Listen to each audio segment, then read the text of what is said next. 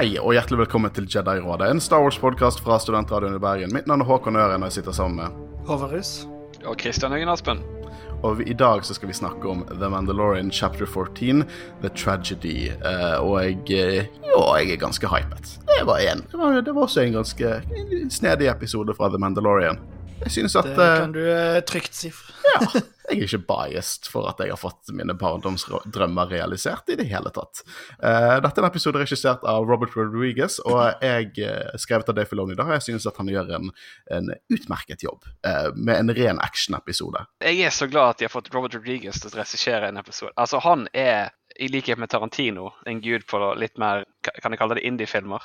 Eh, Kall det som det er B-filmer. Jeg, jeg, En gode vet B-filmer. jeg, vil kalle han, jeg vil kalle han Tarantinos litt sånn dummere bror. No, er ikke, no disrespect, men han, han er litt mer glad i noe sånn full Ok, men, wacky eh, greier. Det beste han i hvert fall har laget, syns jeg, da, er From Dust to Dawn. Altså den filmen med George Clooney. Den var dødskul. Men uh... Gud, den filmen. Det var ikke det jeg forventet i den filmen. Jeg gikk inn og trodde at dette Tarantino-drama, og så er det liksom penisrevolvere og uh, vampyrer. Det, det så, Jeg så den når jeg var syk, og jeg var helt sikker på at jeg hadde en eller annen syk feberdrøm. Men likte dere ikke filmen? Jo, jeg likte den veldig godt. Men Jeg tror det var, var feil humør til den filmen. Jeg, jeg vil bare jeg vil be, fortsette med den lille tradisjonen om én setning hver hva dere synes om episoden. La oss begynne med Håvard. Det var, som du sa, en actionepisode. Det var ikke filler. Men det var heller på en måte Det var en action-filler. Kan det gi mening? Eh, Jeg syns ikke det var filler, men eh, Christian, jeg tror du er på min side her. Ja, men Ja, det OK, jeg må det- bare ikke- er presisere. Nå må du la. Christian, snakke, Håvard. Herregud. Eh, god action. Jeg likte episoden veldig godt. eh, og mange store, gode overraskelser. Eh, Jeg kan si helt enig. Jeg har faktisk juksa litt i år, i, i år eh, denne uken også ved å si at allerede si setningen min. Eh, Håkons barndomsdrøm realisert i live action. Det, eh, det skal jeg si. Eh, jeg vil også kaste inn litt andre ting. for Jeg ser eh, på vår statistikk at vi har fått en liten lytterbase i Danmark. Eh, og det er jo kjekt. Så tusen takk til dere i Danmark for dere hører oss, eh, på oss. Det, det var veldig kjekt å se. Eh, at vi når litt ut der også. Det er også eh, verdt å nevne, bare fordi at eh, vi trenger litt ego-boost, at eh, vi vant semesters lydprofil, lydbilde. Håvard, du kunne dette? Det var Profil. lydprofil, ja. Lydprofil. Vi vant semesters lydprofil eh, hos Studentradioen Bergen, og det er jo alltid kjekt. Eh, så det- nå er vi en award-winning show. Og eh, det er jo én som egentlig har eh, spilt en veldig eh, stor rolle i den lydprofilen vi har, så vi kan jo kanskje takke han òg, Håkon. Yes, tusen takk til eh, Are Are? Han er svogeren min, jeg burde kunne navnet hans. Arild Øren Vanvik. Han har laget den fantastiske intromusikken vår, eh, som, eh, og outromusikken vår. Eh, så det, det, det tror jeg er en stor faktor i at eh, vi vant eh, denne prisen. Ja, det er ganske kult at vi har vunnet òg for et lytter i Danmark. Og jeg bare sier at neste år så går vi vel for eh, Emmys. Ja, det er bare én vei å gå. Men Christian, eh, i forrige uke så sa du så godt hva lytterne våre måtte gjøre med våre sosiale medier, så jeg tenker du har tenkt en kreativ måte å på en måte promotere oss litt nå, eh, nå denne uken. Jeg, jeg, jeg kommer ikke på noe mer kreativt enn å kjøre det klassisk med å si at du må følges på Facebook, og du kan høres på Spotify, og ikke glem å følge oss på Instagram. Ja, for å, vi har jo et sånt segment i uh, disse Mandalorian-episodene der vi har spurt dere hva dere synes, og vi går gjennom de innspillene på slutten av episoden. Uh, så det er veien å gå hvis dere har lyst til å interagere litt med oss og uh, få din, din stemme ut til Og, og i dag er det vel ganske mange som har sendt inn. i forhold... ja, vi har det vel, ganske høyt i dag? Jeg tror det, vi går gradvis opp eh, for hver uke og hvem som sender inn. Så vi har fått, eh, vi har fått plenty med spørsmål sendt inn, eller svar sendt inn. Nok om det. Nå skal vi snakke om The Mandalorian, chapter 14, The Tragedy.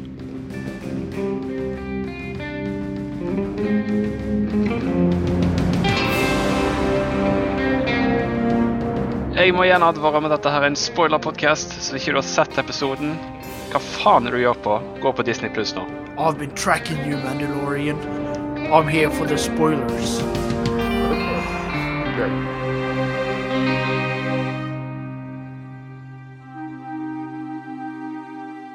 Så chapter 14, The Tragedy, gutter. Eh, vi, eh, vi skal gå inn i denne nydelige episoden her. eh, og snakke litt om hva som skjer. Eh, og det begynner med en ganske simpel og og sjarmerende scene der jeg tror aldri jeg har hørt uh, Din Jaren le før. Uh, for, for, han sitter her i Racer Crest sammen med Grogu og så på en måte leker litt med å kalle han Grogu og se reaksjonene. Uh, og... Jeg skjønner han godt. Det ville jeg òg gjort. Det er akkurat som når, når, du har en hund, og du endelig merker at hunden har begynt å lære navnet, og så sier du liksom bare 'Ja, kom her! Kom her!' Og så, og så kommer han faktisk av det. Jeg skjønner han veldig godt. Jeg føler Han virker som han har kommet litt mer inn i papparollen. Ja, mm, absolutt. og han, han, har litt sånn low-key trening, da. Eller kanskje han bare gjør, vil se trikset med å bruke the force med den ballen. Uh, og Det traff meg hardt når, når Grog, han sier sånn 'dang Farrick', som er det nye kule banneordet til Star Wars, tydeligvis. Uh, for Han blir så excited når, uh, når, Grogu klarer å ta den ballen med The Force, og så blir Grogu skikkelig lei seg, for Grogu tror at, at han, han, var sint på han. Og det er litt sånn hundefaktor der også. sånn mm. når du, når du hvis du sånn trakker på halen til hunden din med et uhell, altså hvor dårlig samvittighet du får, og så liksom den tror at du er sint på han eller noe sånt. Det, jeg fikk litt den følelsen. Eh, og da begynner liksom eh, Mando å snakke litt om dette her med, eh, med at OK, men du må huske å gå med Jedien hvis, eh, hvis eh, den Jedien ønsker at du skal gå med dem. The Nice Lady sa at du hadde hatt trening, og du er for mektig for meg, og jeg elsker at Asoka ble kalt The Nice Lady. Jeg vet ikke hvorfor, jeg bare synes det var sinnssykt koselig. ja, men hun var jo en nice lady. Hun var en nice lady. uh, og vi ankommer, alle, vet du hva, vi ankommer allerede Titan. Denne episoden går rett til uh, Jeg forventet Titan kanskje i sånn sesongavslutningen. Bare nei. Titan rett nest, eh, neste episode. Uh, og det, det, er kult at det liksom pikker litt opp speed. At det kommer til poenget. Jeg forventet en filler-episode. Jeg, jeg, jeg, liksom, jeg er alltid hypet på en Mandalorian-episode, men da, denne gangen liksom, innstillingen min var liksom OK, nå får vi en filler. Nå blir det et eller annet annet greier. Men da, rett til Titan. Jeg òg trodde det, men dette er jo klart da at de to siste ikke kommer til å være filler i det hele tatt. Så jeg er glad. Ja. Da har vi bare fått én filler denne sesongen. Ja, jeg vil si meg veldig enig. Eh, eneste filler er den episode to. Episode to. Ja. Eh, som fortsatt var en solid eh, episode, for all del. Eh, men vi kom til Titan. Uh, og uh, i Cannon, vi har sett det i Cannon før, uh, da var det dekket av snø. Og det er et rart konsept, for dette er en planet med forskjellige årstider og regioner. Det, det rare konseptet der. det var òg litt rart konsept, måten de filma det på. fordi For en gangs skyld så var de ute på location. Mm. De var faktisk på et, ja, på et sted, og det så skikkelig bra ut. Fordi tidligere så har de jo stort sett brukt det der digitale set-greiene. Og det fungerer, det fungerer, som regel ganske bra, men det var rett og slett ganske kjekt å se on location at det faktisk var ute. Ja, jeg, jeg fikk litt Jeg mener ikke at det er bad, men til tider så fikk jeg litt sånn fanfilm-vibes på grunn av at jeg er så vant til det der eh, volume-greiene. Og det, men det gikk fort ut av hodet mitt. Dette er en av mine favorittepisoder. men, eh, men det, var, det, var, kult at eh, de fikk være litt på on location også. Det er ikke ofte de gjør det i The Mandalorian. Jeg vet aldri når de gjør det, at det volume er så bra. Uh, men jeg også nevne litt dette med de forskjellige årsidene og regionene til Titan. For at, uh, i tegneseriene så er det dekket av snø, og vi ser i Dr. Afra-tegneserien at de besøker uh, en sånn hule laget av en Jedi-kult som heter The Martrium of Frozen Tears. Og eh, det er laget inn isbre, som tyder på at det er en kaldere region av Titan. Eh, så vi har en ganske realistisk planet her i the deep core, og det er fortsatt i the deep core, så vi så på kartet til Mando. Eh, at det er forskjellige årstider og forskjellige regioner, og det er en planet. Det er ikke bare en sandplanet, det er ikke bare en steinete gressplanet. Det er faktisk en planet med regioner og hele pakken. Så det er jo ganske sjeldent vi får det i Star Wars. Og vi får dratt til dette tempelet som dere snakker om. da.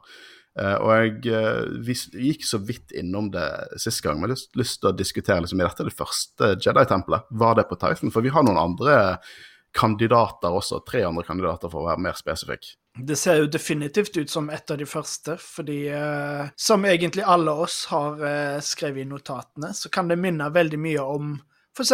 Stonehenge, sånne gamle forhistoriske strukturer vi har i vår eh, virkelige verden, der det bare er steiner som er retta opp på forskjellige måter. og Vi vet egentlig ikke nøyaktig hva funksjon det har hatt. Så det var veldig eh, stilig å se i Star Wars-universet, noe lignende konsepter. Jeg liker altså enkeltheten i det. At det er liksom bare steiner rundt, og så har du en sånn i midten. Det er, jeg liker at det ikke er noe sånn her, eh, at de ikke har gjort noe veldig stort ut av det, men det er ganske enkelt i forhold til hva et tempel kan se ut som. Mm, jeg, jeg, jeg, jeg er enig, for at eh, når du tenker liksom blant de første Jedi-templene, så tenker ikke jeg jeg tenker ikke antikken, jeg tenker sånn forhistorie. Jeg tenker ikke, jeg tenker ikke Colosseum, jeg tenker Stonehenge, som, som dere sier. Så jeg, jeg synes det er passende, det gir mening. og jeg vet at jeg, jeg så Jeg tror det var Eckharts Ladder, uh, youtuberen. Han var skuffet over at det var så lite stort og pompøst og sånn, men jeg liker, liker simpelheten. Jeg syns helt ærlig talt det at det var så simpelt og ikke stort og pompøst, gjør det bare enda kulere. Mm. Fordi det viser hvor gammel på en måte Kanskje ikke gi de ordrene, fordi vi vet jo ikke om dette er var fra Jedi-ordrene, eller om det bare er på en måte Det kan jo være en liten gruppe som bodde på Tython før, for kjempelenge siden, og på en måte var det som ble jediene til slutt, liksom. og... Det var jo det som var i Legends. Ja, ja, men det, det, det, var jo det som var i Legends. Da var det The Jedi som eh, etter hvert ble Jedi og Sith. Eh, og det er liksom, Vi har de andre templene. Vi har selvfølgelig Akt 2-tempelet, som vi har sett eh, i, i, tre andre filmer i sequel-trilogien. Og vi har Corisont, eh, ble også omdiskutert det var det første, og så Ossus. Um, men eh, jeg hørte på Star Wars Explained sin review av, av, av uh, denne episoden, og han spekulerte litt. Jeg tror jeg vil si meg enig. Uh, for at Akt 2 har jo denne steinen som Ray sitter på, og så, så Luke også kommuniserer med Leia gjennom. Uh, og det er jo ganske lignende konsept som denne steinen som vi ser i The Mandalorian, så kanskje det er ulike grupper av Force-brukere på disse forskjellige planetene som klarte å kommunisere med hverandre, og til slutt gikk sammen og ble The Jedi. At det på en måte er en connection til alle disse templene. Uh, jeg syns det er en kul tanke, i hvert fall. Jeg leste den uh, teorien du hadde skrevet ned på notatene dine. og Jeg føler det, det på en måte sammenlignes med klaner i Mandalorian som samler seg. Uh, men jeg vet ikke om jeg liker helt teorien. min teori eller din teori? Nei, det er teorien til de du har hørt på. Ja, men jeg bare Hvis, eh, hvis det er jo noen Force-steiner, så det er jo helt klart en, en felles eh, er, faktor der. Er, er, det faktisk steinene som har ekstra boost i seg? Nå, nå går du dypt inn på ting som jeg ikke engang tror Dave Filoni har svar på. Altså, dette er mystiske greier, liksom. Det er, det er liksom Force-alter, da. Eller, er, eller er det måten, eller er det måten alteret er satt opp på? det praktiske, liksom, at du kan laste ned en sånn PDF-kode og sette opp en sånn. Jeg liker også at uh, The Mandalorian sånn, begynner å se etter en switch. Hvordan skrur vi denne greien på? Ser dette Jedi ut for deg? jeg, liker, jeg liker hvor, hvor, bare lost han var. Han bare sånn hm, Dette var jo litt sånn Jedi-looken. Dere kunne skru dette på? Så han setter Grogu ned på den steinen, da, og det Grogu begynner å gjøre, er å leke med sommerfugler. Men det er noe spesielt med disse sommerfuglene. For det at i spesifikt uh, Vader-tegneserien så er det blå sommerfugler. De symboliserer the light side of the force. Og jeg, jeg lurer på om det er noe der, for det, de sommerfuglene er veldig til stede der, og de kommer til Grogu. Og så i neste scene, når han liksom skal fokusere, så er de bare kuttet vekk. Eh, om det betyr at de faktisk var til stede der, eller er det bare noe symbolsk, det vet jeg ikke. Men jeg tror at det kan symbolisere The Force, eh, hvis ikke The Light Side of The Force. Eh, så det er en kul detalj hvis det er der. Det skaper i hvert fall mye spekulasjoner hos oss uh, svettenerder. Uh, men uh, Mando skjønner liksom ikke hva han skal gjøre der, og så plutselig, plutselig hører vi en velkjent lyd. Uh, og uh, kameraet zoomer til at Slave One dukker opp. Slave One bare, bare, dukker opp. Sånn helt antiklimaktisk. Og det er egentlig sykt effektivt, for at vi vet hva det er. Mendo bare tenker litt kjip å komme seg vekk, men vi vet hva det er. Og det er som å se en hvit hai bare rolig, rolig svømme mot ferskt blod i vannet. Eh, jeg skrek. det var en helt perfekt reveal. Måten de bare liksom slapp det ut på. Tittelen er jo The Tragedy. Så vi antok jo at noe kom til å skje, men at det var Slave One hadde aldri forventa det. Uh, men vi har jo OK, eh, katten ut av sekken nå. Bobafett. Uh, dette er en Bobafett-episode. Og vi har spekulert mye om Bobafett. Uh, vi tok feil på en del ting. Uh, men en ting vi hadde rett om, var jo at det var helt klart han i, på Tatooine i første sesong. Det var han som kom bort til det vi trodde var like av Fennik Shan. vi hadde helt rett, Christian Vær stolt av oss, for vi hadde helt rett. Til og med Star Explained var uenig med den teorien. og det var Boba Fett. Og nå elsker jeg den episoden også. Det var den jeg mislikte mest for sesongen. Nå elsker jeg den. Jeg bare kødder. Men det er en god oppbygging, da. Jeg syns det er en genial oppbygging som begynner liksom, å kaste frøene ut der i sesong én, og så første episode i sesong to, så ser vi han så vidt, og så nå dukker han opp. Mm. Nydelig. Og det var òg uh, litt kjekt òg, fordi vi sa jo i den episoden i sesong én at uh, det var ganske kjipt at Fennek Shan bare var så vidt med, for det virka som en kul karakter. Mm. Uh, men det som skjer nå, det er jo at Grogu sitter på den Jedi-steinen, og akkurat når, når Mando er sånn faen, vi må komme oss vekk, så begynner han liksom å force-meditere. Uh, og kult uh, å, sitte, å, se han sitte og meditere med den strålen opp uh, Det er en, første gangen jeg synes en, en, en blå stråle opp i skyene er kult i, i, i, fiction. Som regel er det jævlig teit. det var et ganske kult konsept å se, egentlig, fordi Ja, når Asoka sa at Grogu skulle liksom call out for å se om noen svarer, så virk... Ja, reach out, da. Men det var liksom Det var som en bokstavelig. Det var fysiske barrierer, og det var en sånn en, en supertranse, på en måte. Og uh, Det var ikke det jeg forventet. Ja. Jeg forventet Nei, sånne Ray-greiene når Luke liksom gjør litt narr av henne fordi hun ikke reacher out, at det var mer en sånn følelse. Jeg forventet ikke at det skulle være eh, Dette her var ti ganger kulere. Mm. Eh, det, så det er jo interessant å tenke da om det er steinen som gjør det, eller om det er på en måte noe de har lært, og bare at steinen fokuserer det gjennom, eller om mm. det det så nesten ut som at Stein fokuserte. Det, At det er Stein som gir de fokus til holdt på å si, og ja, at det liksom en, reach out. det er en catalyst for kreftene deres, rett og slett. At de fokuserer de til et spesifikt formål. Uh, det kan jeg kjøpe. Jeg må bare si at uh, det, Slave One uh, er et så kult skip. garantert favorittskipet mitt i serien. I hvert fall min favoritt sånn, ikke, ikke sånn cruiser, men favoritt sånn personskip. Jeg syns det er så kult. Ser ut som en elefant. Okay, calm eller, down, eller et strykejern. Et skikkelig Håkon. I, i, I, audio description så, si, så, forklarer de at det ser ut som et strykejern. det kan jeg faktisk det, det, Tenk så episk, da. Strykejern. Det er kult, men jeg vet at det er ganske sikkert mainstream å si det, men ingenting for meg kan slå Millennium Falcon. Det, det, det, det, er lov å synes det. Ja, Millennium Falcon er et sykt kult skip. Uh, det er mange kule skip, også Racer Cress. Det, var også et kult skip. Ja, let's not talk about that. not yet. Uh, Så Mando sier jo at de har ikke tid til dette, og så blir man kastet vekk av den eh, blå strålen. Eh, og en liten ting jeg syns er vittig, da, for at eh, hvis dette var Mando i sesong én og hadde sett dette, at baby Grogu sitter der og mediterer og en blå stråle, så hadde han vært sånn wow. Men nå er han sånn der åh, nå skal disse Jedi-greiene starte. Vi har ikke tid til dette. Han er ikke fascinert når han har dårlig tid. Man har sett litt av hvert opp til nå, da. Eh, og musikken, musikken av denne episoden Bare når de zoomer inn på Grogu og han sitter der og mediterer, Uh, og hvordan musikken bare blir mer og mer mektigere. Liksom, Ludvig Göransson gjør en sinnssykt god jobb med musikken gjennom hele showet, egentlig. Absolutt. Uh, så Mando ser ned, han ser en person gå ut av Slave One, uh, og så sier han til Grogu liksom OK, jeg antar jeg skal kjøpe deg mer tid, da? Han har kanskje gjøre så mye annet. og det gøye her var jo det at jeg, jeg skrek gjennom episoden. Det må være grusomt for Guro, samboeren min, å, å se denne episoden med meg, for jeg, jeg har jo skreket gjennom mesteparten av episoden så langt. Og så skrek jeg selvfølgelig Bobafett. Var det deg jeg hørte nede på båten, altså? det kan godt hende du hørte meg. Vi bor ganske nærme. Men eh, jeg sa jo det er Bobafett, og Guro sa nei. Det er for obvious. Det er Bobafett. Selvfølgelig er det Bobafett. Slave One, det er Bobafett. Eh, og uh, ja Har dere noe mer å tilføye i dette her? Ikke annet enn at det var dritkult. Mm -hmm. Ja, det har du. Uh, og Bobafett heter uh, overskriften på dette avsnittet jeg har lyst til å gå gjennom nå. Uh, for han har sporet Mando, sier han. Er det nå vi skal spørre hvordan det fungerer? Har han en tracking fob? Har han hacka seg inn på Men, sporingen til Empire? Sånn Men det er jo fullt mulig at han har hevet en tracker beacon på Tatooine når Mando var der.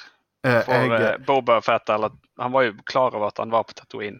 Så jeg har et ganske komplisert svar til dette her, men jeg skal gjøre det litt enklere. Um, Decomplify it. Ja, OK. Så han har klart dette fordi han er Boba Fett. Og Boba Fett klarer dette her. Makes perfect sense. Yes, Jeg har faktisk, jeg har faktisk eh, litt, eh, litt jeg har lyst til å diskutere igjen angående rustningen litt sånn etterpå.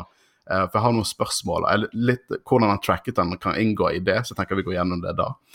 Eh, men Mando spør om han er en Jedi, eller om han er ute etter barnet. Jeg syns det er litt rart, fordi det har jo nettopp begynt, og uh, Jediene kan ikke komme så fort.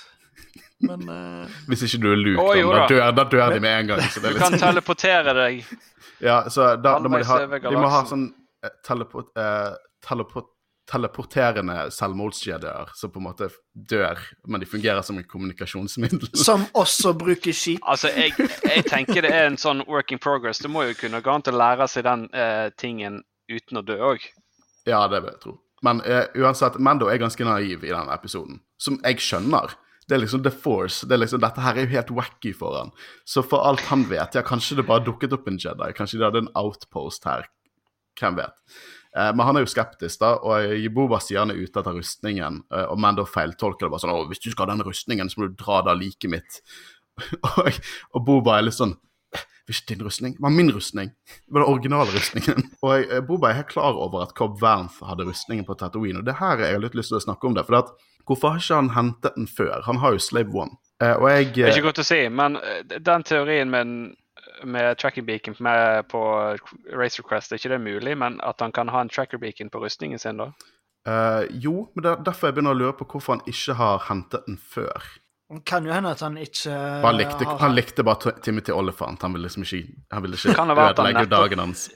Jeg har, jeg har en Vet vi liten vi nøyaktig når han kom seg fri fra Sarlaken? Jeg vil, vil si, tro at det er en liten stund siden. siden han, det, det er noen stund siden han, eh, sesong én. De hopper jo i tid veldig ofte i denne serien. Men jeg har en liten sånn løs teori, da. Eh, jeg tror ikke han har tracket Cobb Vanth, jeg tror han har tracket Mando.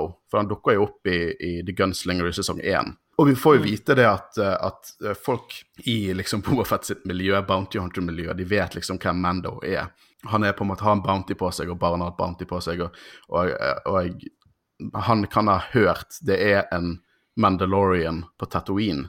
Og så har han begynt å undersøke det, og så, så ser han at det er, det er Mando, og så har på en måte Mando ført han til Cobb Vanth. Og han rett og slett fant ut at det var Cobb Vanth etter episode 1 i sesong 2. At liksom, og det er derfor han har fulgt etter, for han ser at nå har Mando rustningen min. Og litt sånn coincidences. Jeg vet ikke, det er, det er sånn jeg tenker det logisk gir mening. At han har ikke Cobb. mulig. Men han har jo en sånn en Bantha-stikk-opplegg, så det virker som han har vært på Tatooine en stund, da. Ja, jeg, jeg, eh, det, jeg tolker, han må ha vært der, men jeg tror ikke han har Jeg, jeg nekter å tro at han har bodd der. Eller det kan godt hende at han har vært der og bare lett etter rustningen sin, og så har han hørt en Mandalorian på Tatooine og funnet Mando, og så fulgt Mando til, til eh, Cobb Vanth. Det gir jo også mening.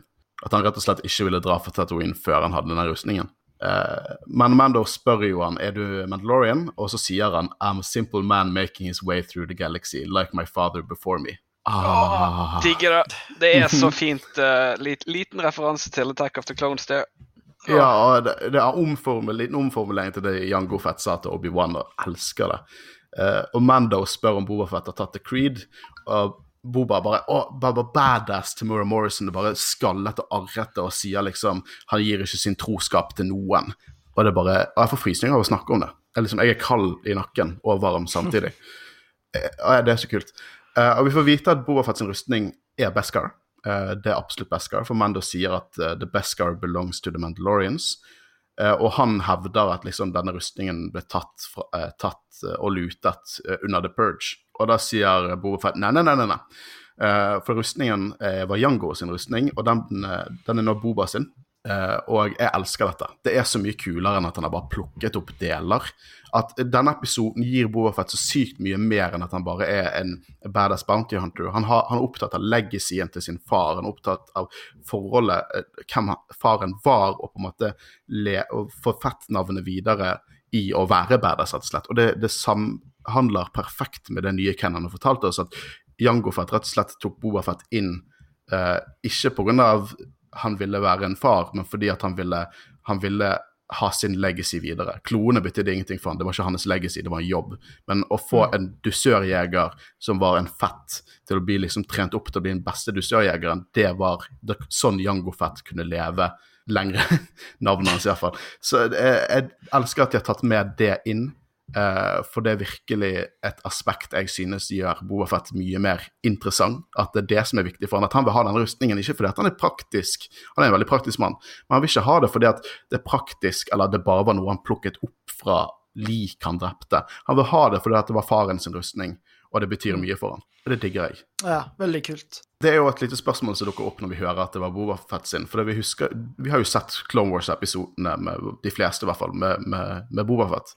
Da bruker han hjelmen til Jango Fett og prøver å, å sprenge Mace Windu.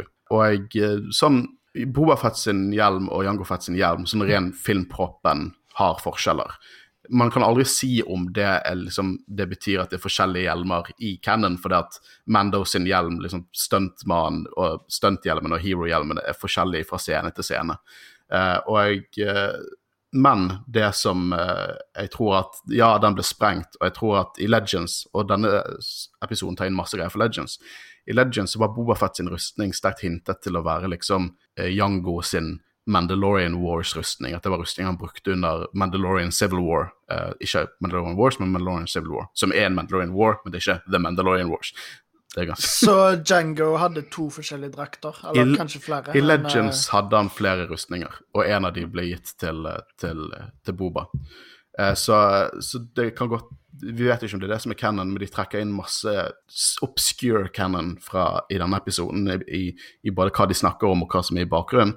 Så jeg kan tørre påstå at det gir mening at det er en av de eldre rustningene til, til Jango. Um, det viser seg at Boba har med seg Fennec Shand fra forrige sesong, som sikter på Grogu. Eh, så de på en måte holder han som et sånn ultimatum, der liksom La oss snakke, eller så skyter vi Grogu. Og det minner meg litt om Jango Fett og Sam Wessel. Husker dere Sam Wessel fra Attack of the Clones? Yeah. Ja. Så hun eh, Det er hun shapeshifteren. Uh, og uh, i, i, Legends så var det et veldig dypt forhold mellom Jango Fett og, uh, og Sam Wazell, og det virker litt som de trekker paralleller til Fennek Shan og Boba Fett her. Til og med designet hennes minner litt om Sam Wazell sitt design.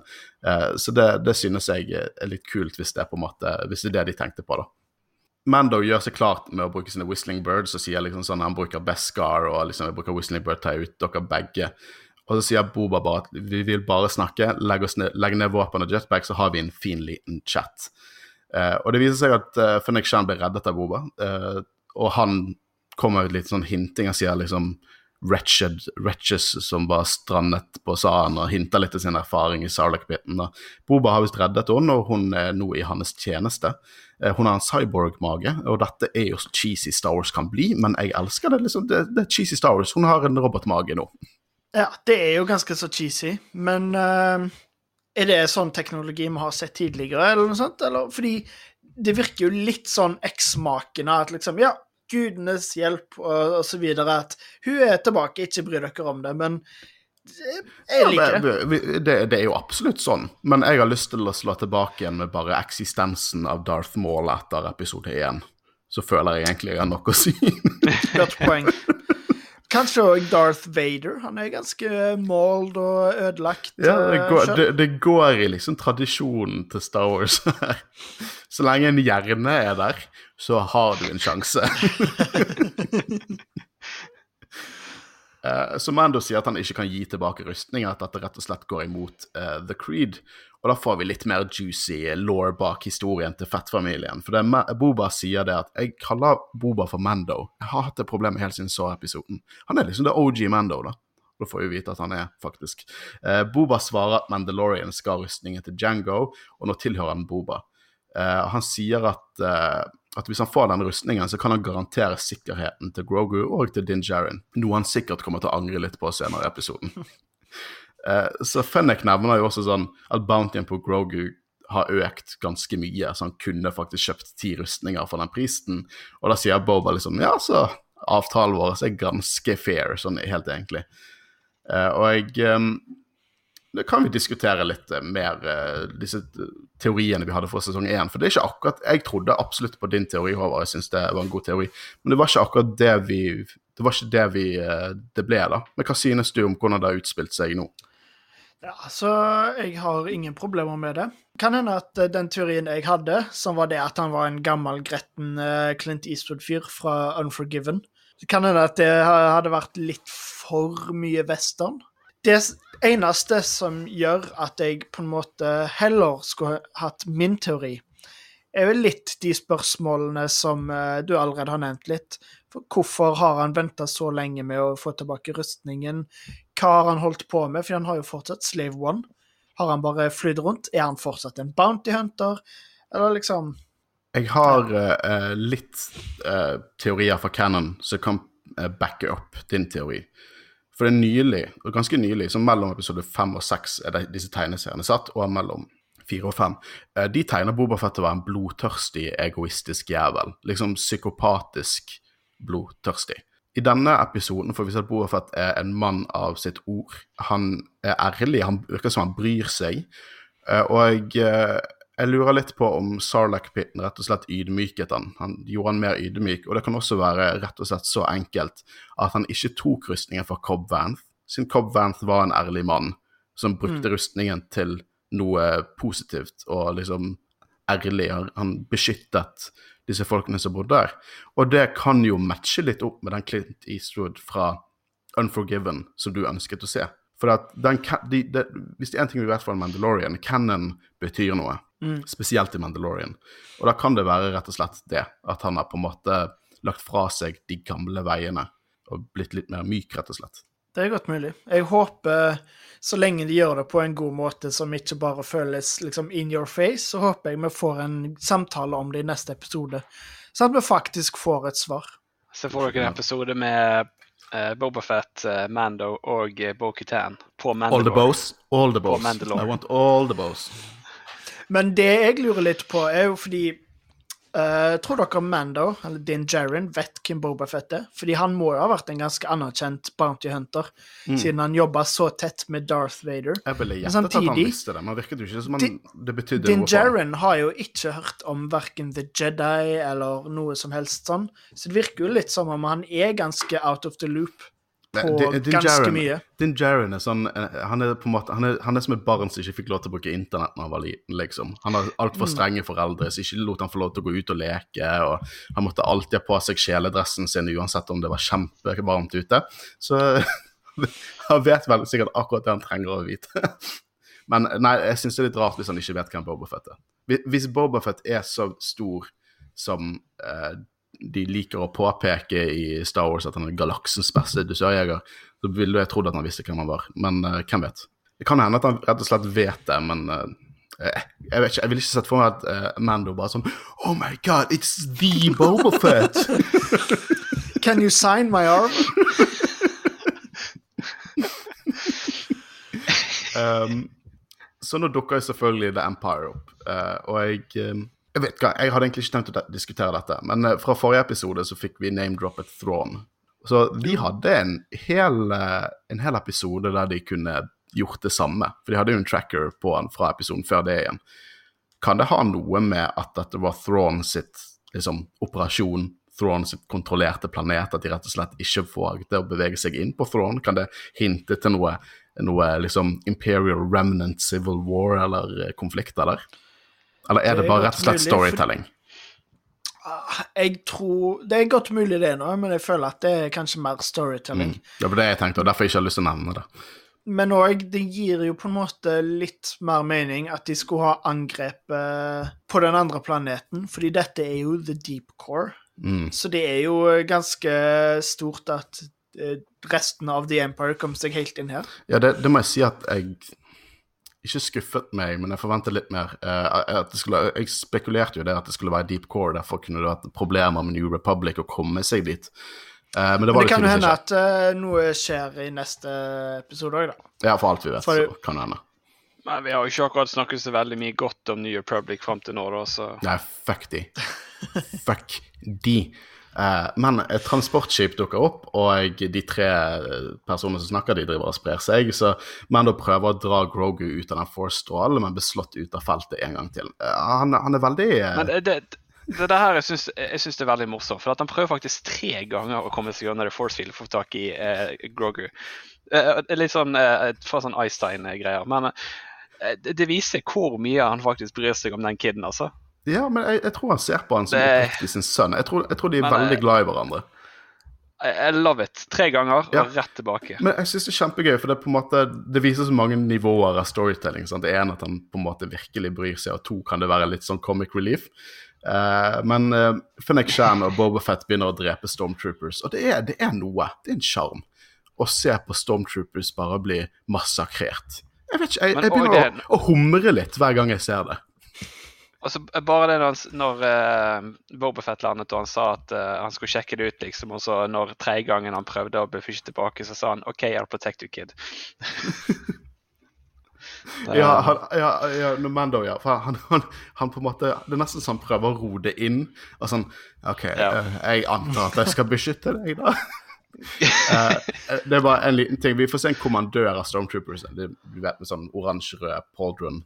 Uh, litt gøy å se de, for vi har ikke sett den klassiske Stormtrooperen i Mandalorian før. Men jeg liker hvor oppgitt han er av soldatene sine. Han bare sånn Nei, flank de, din idiot! Og så blir eh, soldatene skutt. Uh, og nå får vi se noe helt amazing.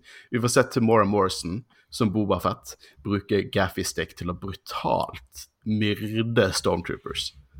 Uh, og jeg, jeg, jeg bare Så før i Legends Timora Morrison han er jo Maori fra New Zealand, urbefolkningen i New Zealand. Og The Maori de har noen sånne krigertradisjoner som har gått inn i kultur, kulturen deres i moderne dager. Litt sånn der krigerdansen de gjør. Eh, og veldig dette med ansiktsuttrykk på en måte skremme fiendene sine. Og du merker at han virkelig får lov til å bruke litt av den kulturen sin. For det, de, de badass og skremmende ansiktsuttrykkene Tomorrow Morrison har Men han kan action. Liksom, og han på en måte, De har jo sikkert brukt en stuntmann innimellom, men faen er, jeg syns det er så godt filmet, og, de, og de, hvordan de gjør den gaffistikken til å virke så tung og farlig. Det er en, en scene der de bare sånn de, de filmer opp mot Boba Fett, og så er det på en måte gaffistikken i senteret. Og så driver han og svinger han rundt og på en måte og, og treffer Stormtroopers. Og i Legends så var eh, Maori-kultur litt sånn sydd inn hos Mandalorians. Så, eh, og det syns jeg var veldig kult. Så det er kult at vi får se at Tomorrow Morrison får lov til å leke seg litt med det konseptet igjen. Og, det er kult for, for folk, urbefolkningen i New Zealand å på en måte se Tomorrow Morrison spille denne rollen. Uh, og det, det setter jeg veldig pris på. Det, det, det er latterlig kult. Jeg syns Robert Rodriguez Jeg var ikke så fan av action i forrige episode. Jeg er veldig fan av action i denne episoden.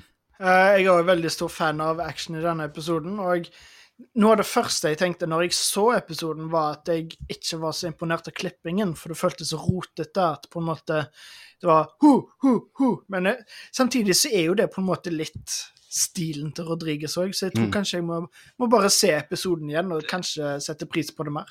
Det er akkurat det. Det er stilen til Rodriguez, eh, hva han er vant med å lage. Eh, men jeg, eh, jeg vil si at actionen i begge, både forrige The Jedi og denne The Tragedy, er ganske godt laget. Forrige følte jeg var veldig sånn, sånn westernaktig kul stil, og jeg digget actionsekvensene med Ashoka. Og her liker jeg litt den fast clipping pacingen, for det er veldig Rodriguez.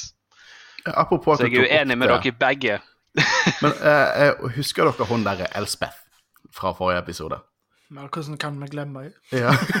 Men eh, det, det har kommet ut noe, noe ekstra canon om hun eh, fra The Makeup Department i The Mandalorian av alle. Det viser seg at hun er fra Dathomir. Ah, ja. Hun er fra en, en Og da må man tenke at det er forskjellige klaner på Dathomir. Men det kan også forklare hvorfor hun var så formidabel eh, mot Asoka. At hun rett og slett har vokst opp eh, på Dathomir, som er ikke akkurat den mest behagelige stedet å bo. Eh, så det kan forklare hvorfor hun er så, så mektig i denne episoden. Men hun er ikke en sånn Sabrek, er hun det? Nei, men det er forskjellige I Legends så var det også eh, ulike mennesker som bodde Som var på en måte witches, andre witches på Dathomir. Så, og de har hintet til i Legend, nei, Canon at det finnes mange andre klaner. Eller de har sagt det rett ut at det finnes mange andre klaner. Så hun er kanskje en av disse klanene. Og rett og slett familien hennes ble drept, eh, drept av separatister der eh, under Clone Wars. Da spekulerer jeg litt, da. Men det er kult at hvis hun kommer fra Dathomir, så er det en liten kul eh, detalj som jeg ikke fikk med meg fra forrige episode, men nå dekker vi det nå. Um, Kanskje familien ble drept under slaget når eh, separatistene kom uh, i den Det var noe av det siste vi dekka før vi kom til Mandalorian. Eller har det vært flere ting som skjedde på Jeg tror jo det, må, det er nok det. Jeg var litt usikker på om du hadde sett den, så jeg vil ikke spoile altfor mye for deg. Men uh, ja, med Grievous og alt det der. Mm. Eh, musikken til Boba Fett, den, den, den traff meg. jeg syns den var så kul. skikkelig kul. Og at han ikke trenger en jævla rustning for å være dødelig. Han er bare dødelig. Vet du hva, vi har hørt så lang tid at Bobafett er galaksens eh, beste dusørjeger, farligste dusørjeger. Vi har hørt det. Alle har fortalt det til oss. Vi har aldri kjøpt det. I tegneseriene virker det sånn, men litt annerledes enn tegneserier og live action. Nå får vi sett det. Vi får sett hvor mektig Bobafett er. Og, og, og det, det, det, det, gjør meg så svett. Jeg elsker det. Uh, en annen liten kul ting, vi får se disse Mortar Troopersene, og vi får se at uh, sånn gul rustning ligner litt på de der uh, Incinerator Troopersene, bare gul. og de bruker liksom disse detonatorene som Stormtrooperne har bak på beltet. Sånn liten container som jeg alltid har lurt på hva er, for folk sier så forskjellige ting. Bruker det som en mortar, så det er eksplosiver. Nå har vi endelig fått svar på det. Uh, det er de firkantene som på en måte sitter rundt. Runde sylindergreier som er bak beltet deres. Så uh, Vi så også at Fennik Shan mot en e-web, og igjen mye kul action. Jeg liker når hun løper, og den e-weben driver og bare skyter bak henne. Det er sånn super cheesy action, men jeg, jeg digger sånt. Det, det som Michael Bay hadde likt den.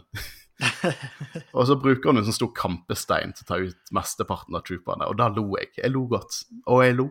Og jeg lo. Det, det det, var, det var koselig. Jeg vet ikke hvorfor, det var veldig gøy å se Stormtroopers uh, dø. Be beklager til de som er veldig fan av Stormtroopers, men det er litt gøy å se de bare bli massakrert. Og veldig gøy å se de dø på idiotiske måter, fordi hvis han ene hadde bare flytta seg, så hadde han ikke blitt Zigzag people. Og ikke stå der og skyte på en stein som kommer rullende mot deg. Bare løp vekk derifra. Uh, og um, Igjen mer kul action. Bobafett tar ut et par Stormtroopers, og så ser, han mot, ser han mot The Razor Crest, og vi vet alle hva det er han, han slever etter nå. Uh, og Fennek ser at det kommer en ny transport med troopers, og da våkner Mando opp og ser kampen, og her kommer den scenen du hintet til, Christian. Han bare sånn Ja, ja, I guess I'm gonna protect you. uh, så og det morsomme er at Grogu faller ut av force meditation sånn sekundet Mando snur seg. Hvis han hadde ventet de to sekunder til, så hadde på en måte dette gått helt fint. Men han faller trøtt til siden, der, for han har jo brukt. Det virker tilsynelatende som han har brukt mye i The Force nå. Jeg syns òg at for å protecte han best, så må jo han bare bli der, i tilfelle noen kommer for å ta han. ja, han tar ikke de beste valgene av og til. Men, men. Noe uh, må jo drive historien videre òg, da. ja, det, det, er ikke sant. Jeg syns det uh, off character at han løper ned dit. Kanskje han mener at det er bedre å gå ned, gå ned dit. Han, han, kan jo umulig forutse at Dark Troopers dukker opp. Uh, så han, han, drar vel til kildene der Stormtroopers dukker opp og prøver å ta dem ut. Ja, fordi Tidligere i episoden så sier han jo at det er for lite. Han kan mm. ikke lande på toppen, så han forventer vel at ingen kan lande på toppen der. Ja, men det, det er, når du sier den scenen når ok, vi må, vi må, fly litt med vinduene nede, så ser du på en måte Grogu som skriker mens han jetpacker opp på tempelet. uh, men Mando dukker opp, og Mando han er jo Vi vet jo at Mando er badass, han bare bruker The Whistling Birds, så jeg må si er litt juks. Litt juks. For han bare holder hånden sin ute, og så bare flyr de ut og dreper folk. Det er sånn auto-aim i spill. Uh, og så liker jeg at han bare bruker seg sjøl som et skjold. Han tar så jævlig mange skudd, så bare flyr av rustningen. Han bruker seg sjøl som et skjold for å beskytte Fennek og på en måte har en avtale. Ok, vi skal komme oss vekk, jeg skylder deg, vi skal ha en avtale, komme oss vekk derifra. Ok, Så dette er ikke, en, dette er ikke en, den, den, beste episoden ever i Mandalorian. Det er topp tre. Det, men, nei, men det er desidert den kuleste. Dette er Rogue One Vader-kult, syns jeg. For det Boba kommer ut, kaster en sånn detonator som bare sprenger.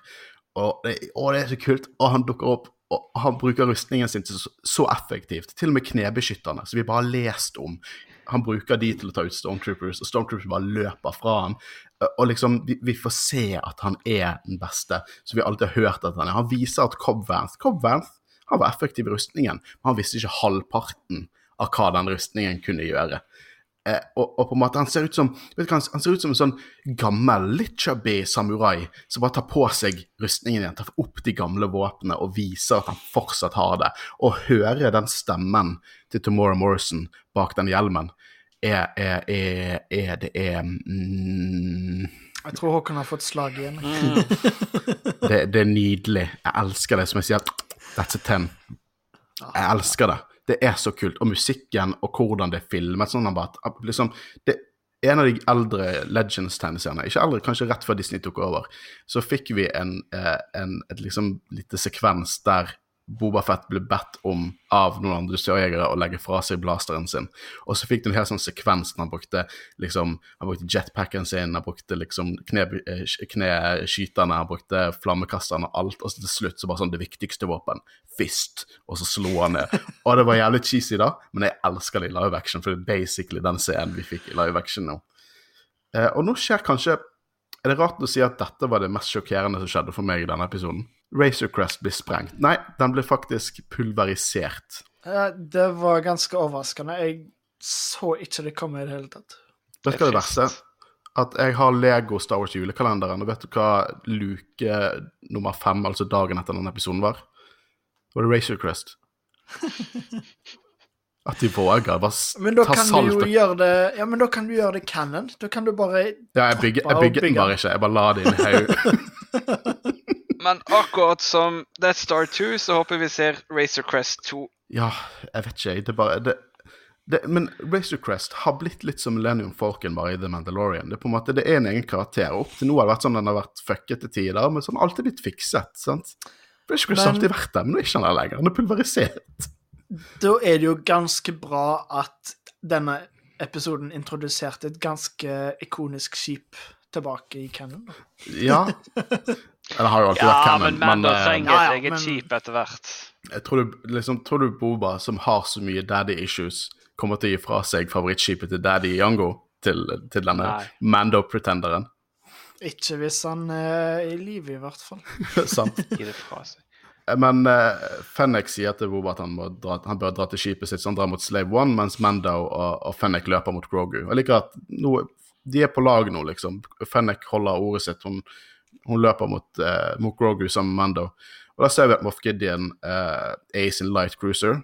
Alltid digg å se den igjen i, i live action. Og jeg uh, sier bare 'Er det Dark Troopers sendt ut?' Og, og han sier faktisk Dark Troopers. Det var Dark Troopers. Og de klarer dramat... De Dark Troopersene Det er veldig kult å se de i live action. Ikke, Hva syns dere om designet? Det er bare roboter, sant? Eller er det en Det er, slags det er cyborg? nei, det er droider. Så vidt vi vet, så er det droider.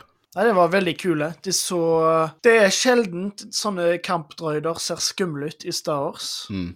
men her har de fått det til. Jeg liker også at de sånn skikkelig effektivt flyr fire stykker ned mot det tempelet når de lander på temp. De minner mer om Iron Man enn droider, egentlig. ja, faktisk. Uh, de tar Grogu. De rett og slett tar Grogu. Og alt, jeg tenkte hele tiden «Nei, men nå kommer Mando snart og tar han tilbake. Men nei, de tar Grogu. Og eh, de flyr vekk. Ut vekk fra, fra hendene til Mando. Så allerede i sjokk etter at Razor Crest ble sprengt. Det at uh, de klarte å ta Grogu, det var virkelig en stor The Tragedy. Men uh, Boba han, han er allerede on the hunt. Han flyr etter Slave One. Eh, og han er litt sånn der I have a lock. Og så sier, sier Mando bare nei, nei, nei, nei, nei, ikke skyt, ikke skyt. Og da sier han OK, jeg skal ikke skyte.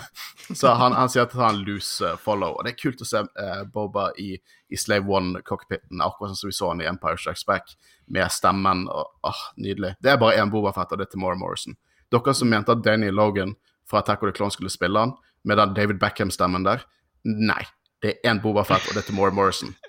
Uh, sorry. Jo, det er én. Det er litt vittig å, vittig å tenke over at uh, Bo-Katan er betraktelig eldre enn Boba Fett.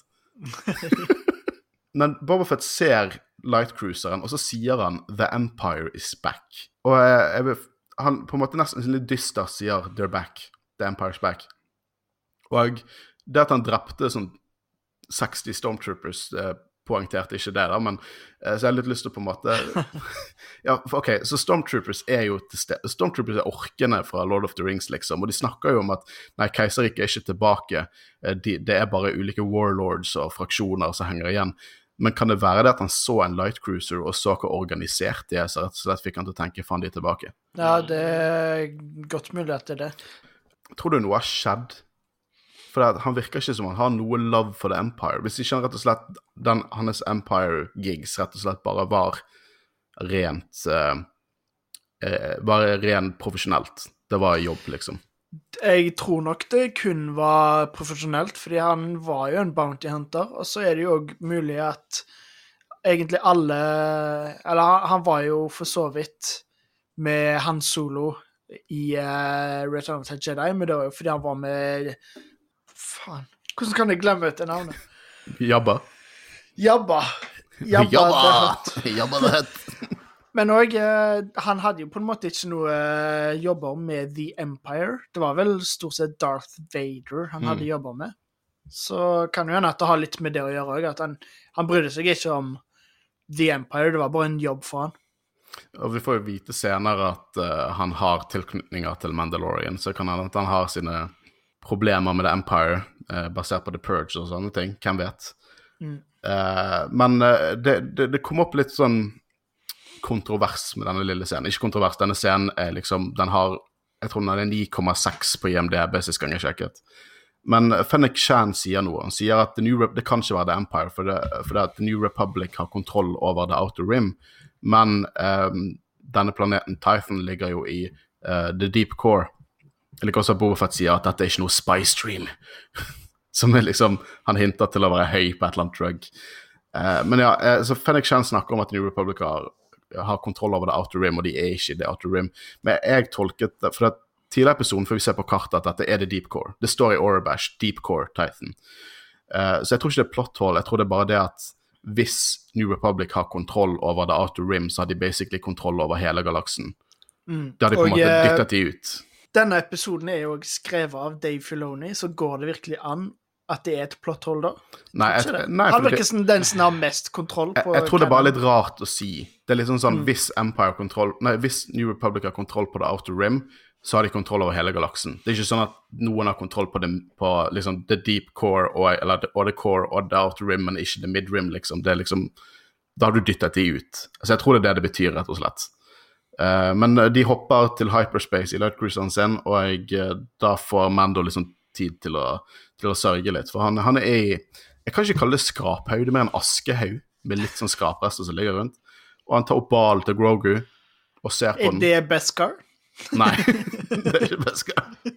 Men apropos Beskar, han tar opp Beskar speed, og dere vet dette er foreshadowing til uh, Han skal poke som Moff Gideon eyes out med det, med det Mm. speedet hans. Garantert. Can't wait. Uh, og nå får vi en scene som hyper meg mer enn noe som helst annet. For det, ok, la meg bare, la meg bare sette bildet her. det, denne, denne, den, det som du skal snakke om nå altså, jeg, jeg mener det er seriøst at hvis du skreik så høyt på denne episoden, så burde du satt opp videorekording på de to neste. Av deg selv, Ja, når du ser de to neste det, det, det er egentlig litt eh, tapt potensial at jeg ikke gjorde det. Men uh, la meg bare la, 2002, det var da jeg ble Star Wars-fan. Jeg, eh, jeg så Attack of the Clones. Jeg spille, spilte Attack of the Clones-filmspillet, som het Star Wars Bounty Hunter. Der jeg spilte som Jango Fett, og du fikk uh, høre at Jango Fett han hadde kjempet i The Mandalorian Civil War, at han hadde en, en Han var en foundling Uh, av en fyr som heter Jaster Mareel, og jeg, eh, det var, var Legends-materialet som introduserte meg til det større universet. Det er, det er Hvor lenge er det? 18 år siden. Det er canon. De setningene jeg sa nå, er canon. Og dere aner ikke hvor mye det betyr. Jeg har nesten et tåre i øyet nå. For det, det, det var min første smakebit på Extended Universe, og nå har de tatt det inn i canon. For at Bobafett viser sin chain code, og han sier den har vært i, i rustningen hans i 25 år. Og jeg har sett på oversettelsene av det Mandalorian-språket som er i den chain-coden. Og det som står der, er at det står Bobafett, sånn sønn av Jango Fett, og informasjon om at en Mandalorian som heter Jester, tok eh, Jango Fett inn som foundling. Det er akkurat det, det, det er canon. Det er canon. Jeg vet ikke om dere skjønner hvor viktig dette er for meg. Det er canon. Jeg elsker det. Fett-familien er, er de, de Mandalorians. De er Mandalorians. Eh, Prime Minister Al Almec er en snutig snobb, og han har ikke peiling på hva han sier for Clone Wars, for de er Mandalorians. Og eh, jeg digger det. Og Young, Boba Fett sier jo også at, uh, at han, Jango kjempet i The Mandalorian War, Civil Wars. Kan dette være liksom mot pasifistregjeringen, eller er det noe Death Watch-relatert? Hvem vet? Men det, Mm. det er så mange krigere i Mandalorian-historie at man ikke har kontroll på noen av de, men det er, det, det er sinnssykt kult. Ja. Vi har jo spekulert òg at han uh, Almec At han bare løy fordi at han på en måte ikke ville at Jango skulle være en Mandalorian. Fordi Almec var vel en del av pasifistregjeringen, så Mm. at vi, vi spekulerte jo at han bare ikke så på han som en ekte Mandalorian. Kanskje det er en konflikt med, med, med dette med konseptet med foundlings også, at ikke de anser de som ekte Mandalorians. Det er godt mulig. Det er veldig, det er veldig awesome. Eh, Og, og, og The Mandalorian Jango Fett var en foundling. By Creed tilhører den rustningen Boba Fett nå. Og eh, det- det enkle svaret er Boba Fett i Mandalorian er Jeg vil si ja. Kinda. Ja. De, er Fett-familien Mandalorians. Dette er et spørsmål vi har lurt på siden 2008, da Josh Lucas kom inn og sa nei, de, de, er, ikke, de er bare bounty hunters. Nei, George, de er Mandalorians, og jeg visste at de var Mandalorians, og nå fikk jeg bekreftet at de var Mandalorians. Jeg elsker det. Det er awesome. Åh, awesome. Jeg digger det. Huh, etter den episoden så så jeg opp på Boba Fett-hjelmen jeg har på hyllen, og så sa Guro du ser aldri på meg på den, den, på den måten, liksom. Eh, så Boba sier at de, deres avtale absolutt ikke er over, for de har lovet barns sikkerhet, og det er ikke sikkerhet ennå. Og det er en team-up. Det er Boba en mann som holder sitt ord. Igjen, dette kanskje han er litt mer ydmyk. Eh, han minner meg mye mer om Boba Fett return, eh, post Return of the Jedi, sånn som han var i Legends. Eh, dette er kult. Jeg liker det. det. Det er liksom Det er en sånn barndomsdrøm å se. Jeg elsker det. Uh, og de tre de tar Slave One, og de flyr mot Navarro. Uh, vi møter Cara Dune igjen, som er nå en New Republic Marshal. Uh, som først er litt motvillig til å hjelpe og, pga. regler og The Empire og sånne ting. Men Din sier at Grogu De har Grogu, og da følger hun blindt med. Alle er glad i Grogu. Eh, og de skal ha hjelp av Miggs Mayfield. Det er første gang vi får høre at han heter Miggs. Eh, det er jo Bill Burr sin karakter. Eh, hvorfor? Jeg antar han bare er god på å få folk ut av fengsel. Det var jo det de gjorde i forrige sesong. Så Mm. eneste grunnen til at de faktisk trengte Mando, var jo på grunn av skipet hans. Ja. Så Ja, jeg Hvis jeg virkelig skal, skal Jeg syns egentlig det gir mening, men bare Mayfield er liksom en så sidekarakter av en sidekarakter, syns jeg. Uh, mer, mer, det er mer en cameo-karakter, veldig meta, egentlig, for det er Bill Burr som spiller han. Men det er jo teknisk sett den eneste tidligere Imperial som Mando har hatt snakkende kontakt med, som ikke er død, liksom. Uh, så det kan godt hende at Og han var mer enn en stormtrooper, så kanskje han, han tenker at han har innsikt i dette. Eh, Så rett og slett at det er, skil- det er hans vei inn til å få mer informasjon om hvor Moff Gideon er, og hvor denne cruiseren er. Det er godt mulig. Så ja, det kan jo hende da at han på en måte ikke er der for å redde Nå tok jeg eh, Dere ser jo ikke det siden er radio, men jeg tok sånn hermetegn. At han er der ikke for å redde Mayfield, men han er der for å bruke han. Ja, det er absolutt det jeg tror. Absolutt. Eh, da, en del små referanser. Jeg husker ikke hvor var det Mayfield var. Han var på en eller annen shopping, Det shopping fields of et eller annet. Ja, Karnak eller noe sånt, tror jeg. Shopping fields of Karnak. Eh, I hvert fall få et par referanser uh, på denne skjerm, fengselsskjermen, for Caradun har fått tilgang til databasen til New Republic om uh, fanger. Og det er mange nye karakterer der. Masse sånn, det er en Tusken Raider, det er en uh, Mon Calamari. Men vi får høre blant annet at noen er på The Sunspot Prison, som er et fengsel for Marvel-tegneseriene i nye Cannon. Det er en kul liten referanse der. Jeg liker at de tar sånne ting inn. Uh, og nå kutter vi til uh, Gideon på sin cruiser, og det er Denne scenen var veldig mørk. Den var nesten litt sånn ekkel. For vi ser Grogu bare bruke full dark Jeg, jeg tolket det var full dark side powers mot to stormtroopers, kveler de. Først så lo jeg litt, det var sånn så morsomt, og så nei, dette er egentlig jævlig mørkt. Eh, og vi hører de samme, det var noen på Reddit som sa, det er de samme fire notene som er Kylo Ren-themet. Som jeg tror symboliserer at det rett og slett at han går full dark. Han bruker det dark side i hvert fall. Uh, så det, det er et mørkt punkt for Grogu. Hva tenkte dere når dere så den scenen? Eh, Jeg tenkte akkurat det samme, egentlig. Fordi det er jo uh, det, det er veldig tydelig at selv om han har lært litt ting på Jedi-tempelet på Coruscant, så er han fortsatt veldig utrent. Så det blir veldig spennende å se hvordan han bruker kreftene videre. og, og sånn. Og så når Moff Gideon bare ser på han og smiler og leker litt sånn 'Å, du er ikke klar for en lightsaber ennå. Å, du blir så trøtt når du gjør det der'.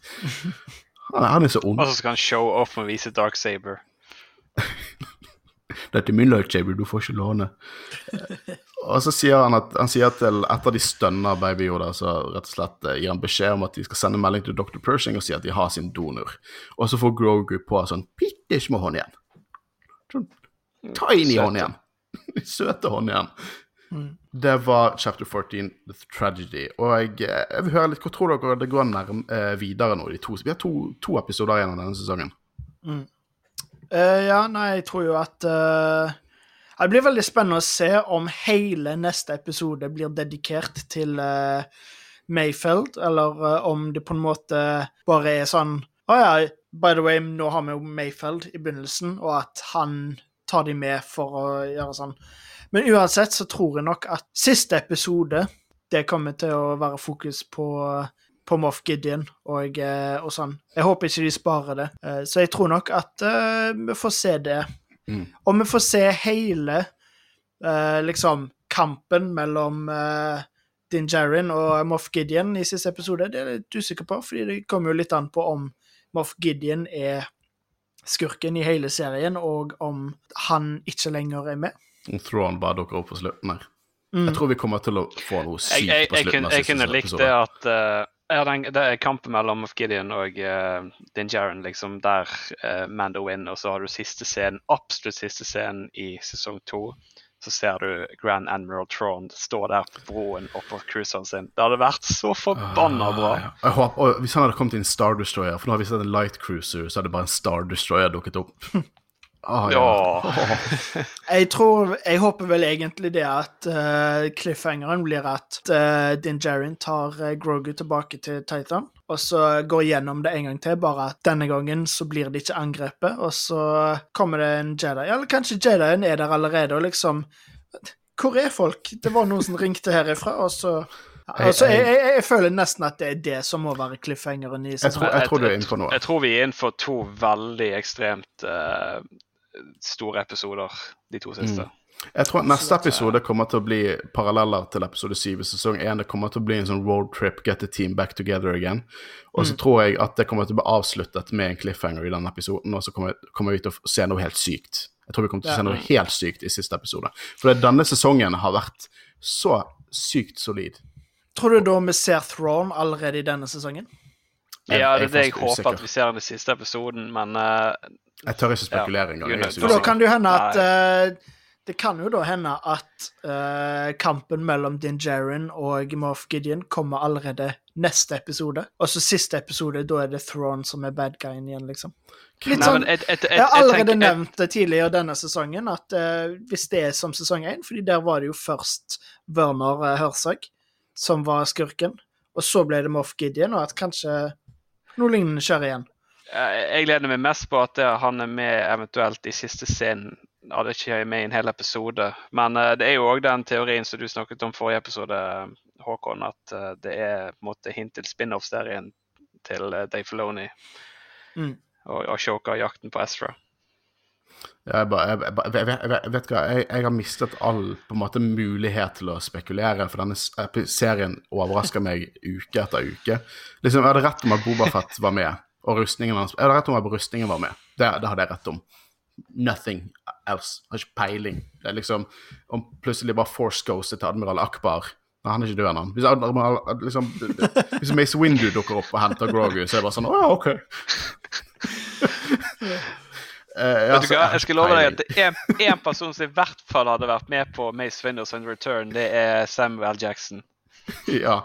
Han hadde gjort det uten, jeg håper han, han skulle dukket opp, og så hadde Bobofet bare kommet og drept han med en gang. Good riddance. Hva synes vi om denne episoden? Nei, jeg syns det var, det var en uh, ganske god episode. Jeg likte veldig godt det som uh, skjedde. Men uh, det var ikke min favoritt.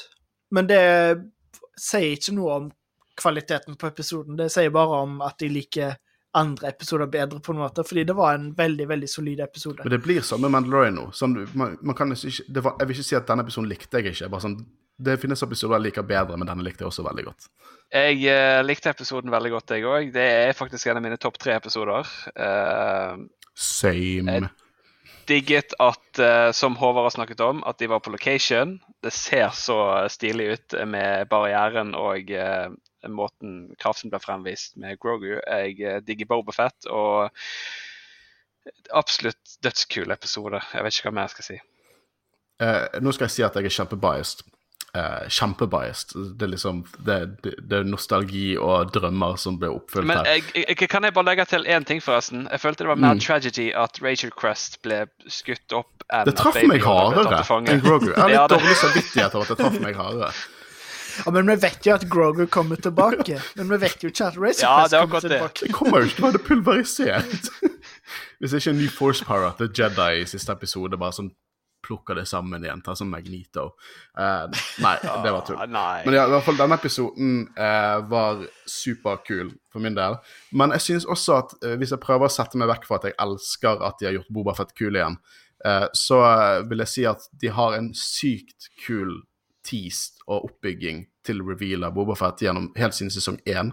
Og jeg synes at det er utmerket kult. Jeg liker at de får historien i gang med en gang, drar til Tython og på en måte får eh, Grogu på den Seeing Stone. Jeg elsker at eh, eh, at uh, vi fikk se Dark Troopers, og hva de at de rett og slett var der for å på en måte hjelpe Moff Gideon til å få dette formålet med.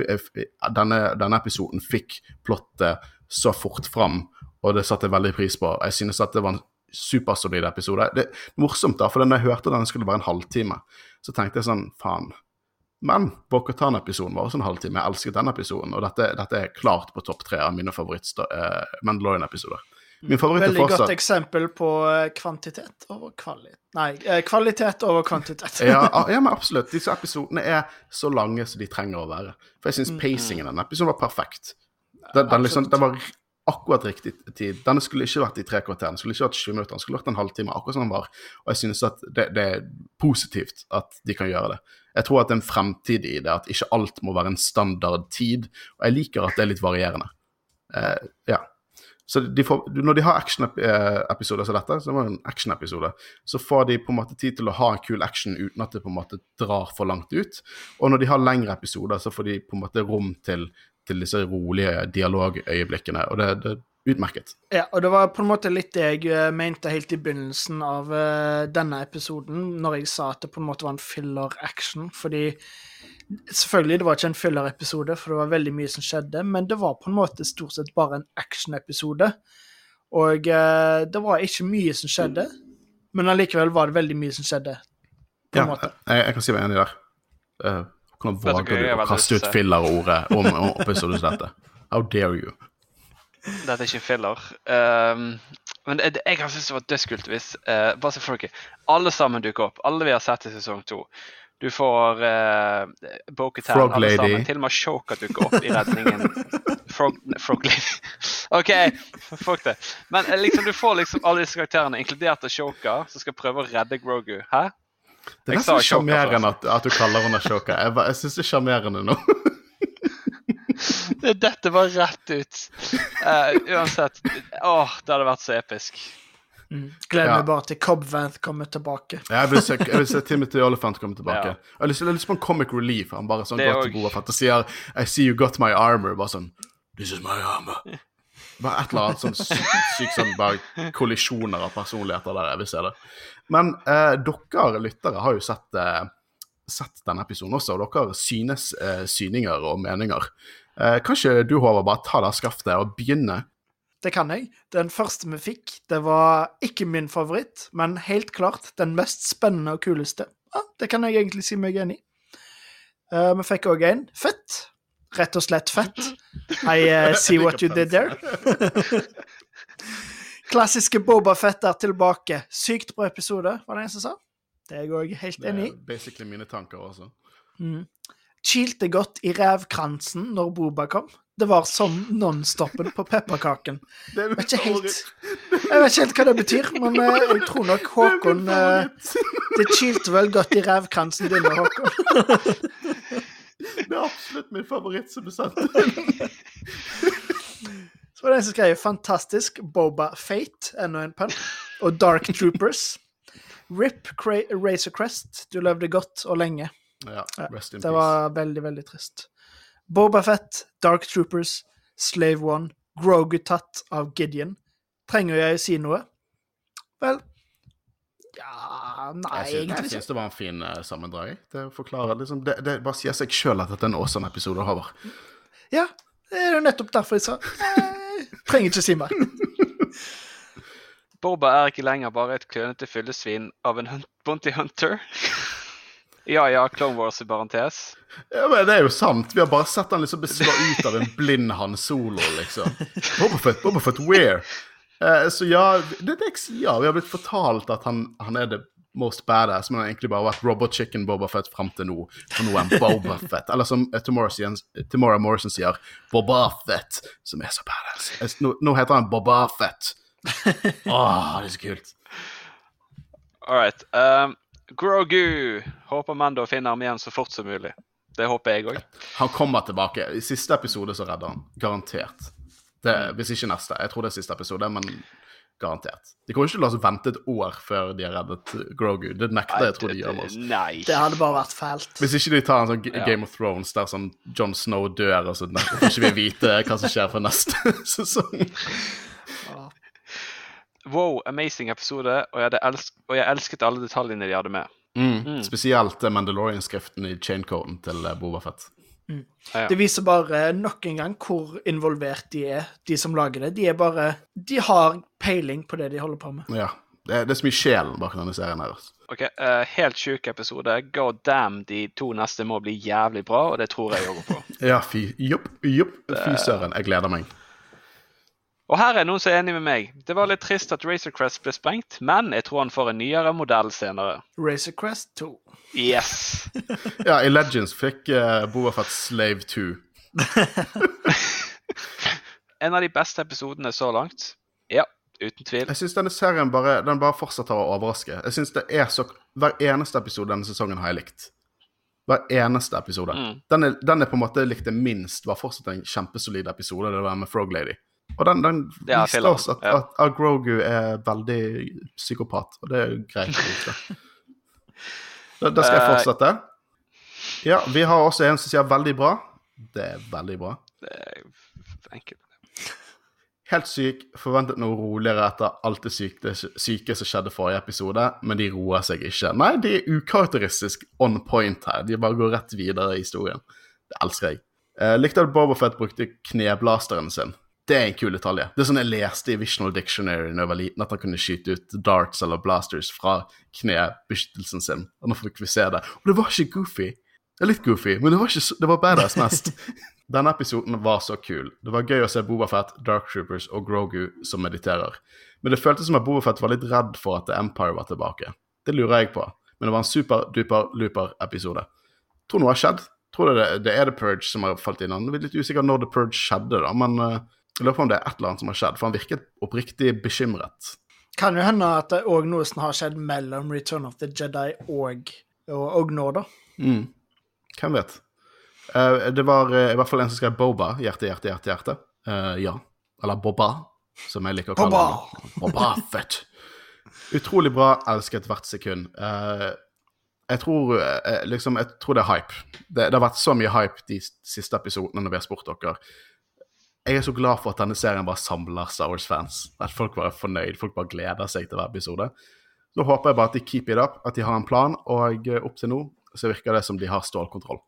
Dette var ikke bare at Boba Fett tok Hvis dette var uh, Rise Skywalker, så hadde bare Boba Fett dukket opp og sagt at han tracket rustningen. Men her får vi en episode i sesong én som hinter til den, så får vi se han i begynnelsen av sesong to, og så dukker han opp. Perfekt oppbygging, JJ. Sant? Dette klarer vi, Dave Filoni og John Favreau. Dere, dere, dere. Og vet du hva som også er bra? De har samme writing team, og så lar de regissører få leke seg i forskjellige episoder, samtidig som historien går videre. En viss sequel-trilogi burde skjønt at det var veien å gå. Det er absolutt sånn det burde vært, ja. Absolutt. Og, og Rodriguez fikk sin, sin autør på denne episoden. Han fikk sin stil inn der. Og, og jeg føler at regissørene får det, samtidig som de må følge skriptet. Og det var eh, nydelig. Elsker det. Elsker det. Jeg elsker Star Wars. Jeg elsker tiden vi lever i. Det er alltid så bra. Vi får vite at Cassian Andrew-serien har begynt å spille, spille inn. Kenobi-serien begynner å spille inn i mars. Vi får Bad Batch. Vi får visst en animert serie satt i The High Republic. Snart får vi High Republic-bøker. Det, liksom, det, det, det, tok et par år før de fikk alt på plass. Men jeg føler vi er der. Vi er liksom i Vi er i The High Republic av Star Wars-fandom. Jeg elsker det. Aldri så mye penger på actionfigurer. Og eh, jeg tror vi egentlig bare kan takke våre Disney overlords. De har Ja. gjort en god jobb. Jeg skylder dere alt. Elsker dere. Bare gi meg mer Star, mer Star Wars. Jeg elsker dere, Disney. jeg er blitt nervøs der. Eh, men det var oss, og vi har snakket om The Mandalorian chapter 14, Tragedy. Jeg gleder meg til neste uke. Hvem vet hva faen vi kommer til å se da? Eh, mitt navn er Håkon Øren, og jeg har sittet sammen med Håvard Russ. Og Kristian Høgen Aspen. Og vi har vært Jedi-rådet. Vi snakkes neste uke. Ha det bra. Ha det bra. Ha det bra.